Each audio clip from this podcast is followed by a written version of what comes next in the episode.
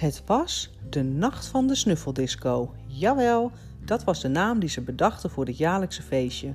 Ze moesten in dit conservatieve dorp gedacht hebben dat als je dit als volwassen vrijwilligers gecontroleerd plaats laat vinden, het natuurlijk gewoon goed komt met de jeugd. De jongens mochten bier kopen en de meisjes apfelkorn. Iets wat serieus alleen weg te krijgen was met een goede lading ijsblokjes. Zo konden ze mooi bijhouden hoeveel er gedronken werd. De flessen bessen die we allemaal verstopt hadden op de route van huis naar de disco werden blijkbaar niet meegerekend. Dus een bar, een garderobe en een dansvloer. En gesnuffeld werd er tijdens de snuffeldisco. Het was eigenlijk net als een snuffelstage. Wikipedia legt uit dat een snuffelstage niet direct gericht is op het verkrijgen van bekwaamheden, maar vooral op het kennismaken met bepaalde bezigheden. En dat is precies wat we deden. Dus wanneer je uitgesnuffeld was, nam je de besnuffelde mee naar buiten om samen verder kennis te maken tijdens bepaalde bezigheden. Ik was er heus wel eerlijk over dat ik nog maagd was, want ik wilde liever wel dat hij voorzichtig was. En natuurlijk had ik me er een meer romantische locatie bij voorgesteld dan op die harde tegels van dat schoolplein in het holst van de nacht. Maar hij was zo ontzettend knap. Als mijn eerste keer met hem mocht zijn, wat maakten die koude tegels dan nog uit? Er was ook geen enkel voorspel trouwens. Alles was gericht op de grote daad.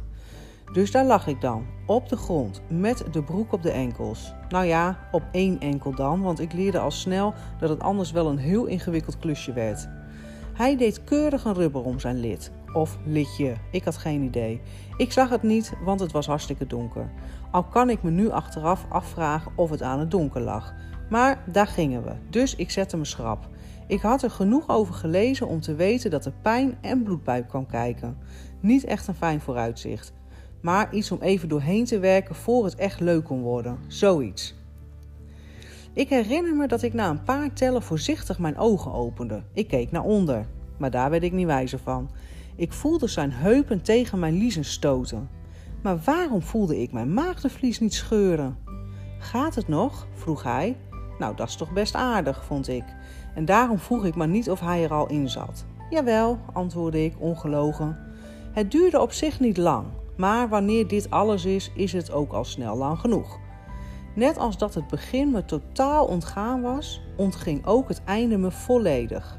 Hij kwam gewoon ineens van me af met een zo, alsof de afwas klaar was. De rubber gooide hij huppakee naar achter en voor we het wisten stonden we weer te snuffelen in de disco. Mijn bestie vroeg me, en, hoe was het? Deed pijn? Ik vertelde haar dat ik er helemaal niks van had gevoeld.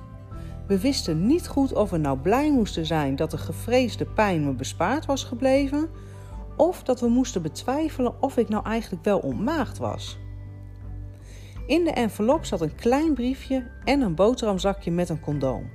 Op het briefje stond geschreven: Ik ben teruggegaan naar het schoolplein en vond deze rubber. Leeg, met drie uitroeptekens. Mijn bestie had haar nieuwsgierigheid blijkbaar niet kunnen bedwingen. Zou hij dan helemaal niet in me zijn geweest? Of heeft hij mijn maagdenvlies nooit bereikt? Is hij dan gewoon zo bedroevend ongunstig bedeeld?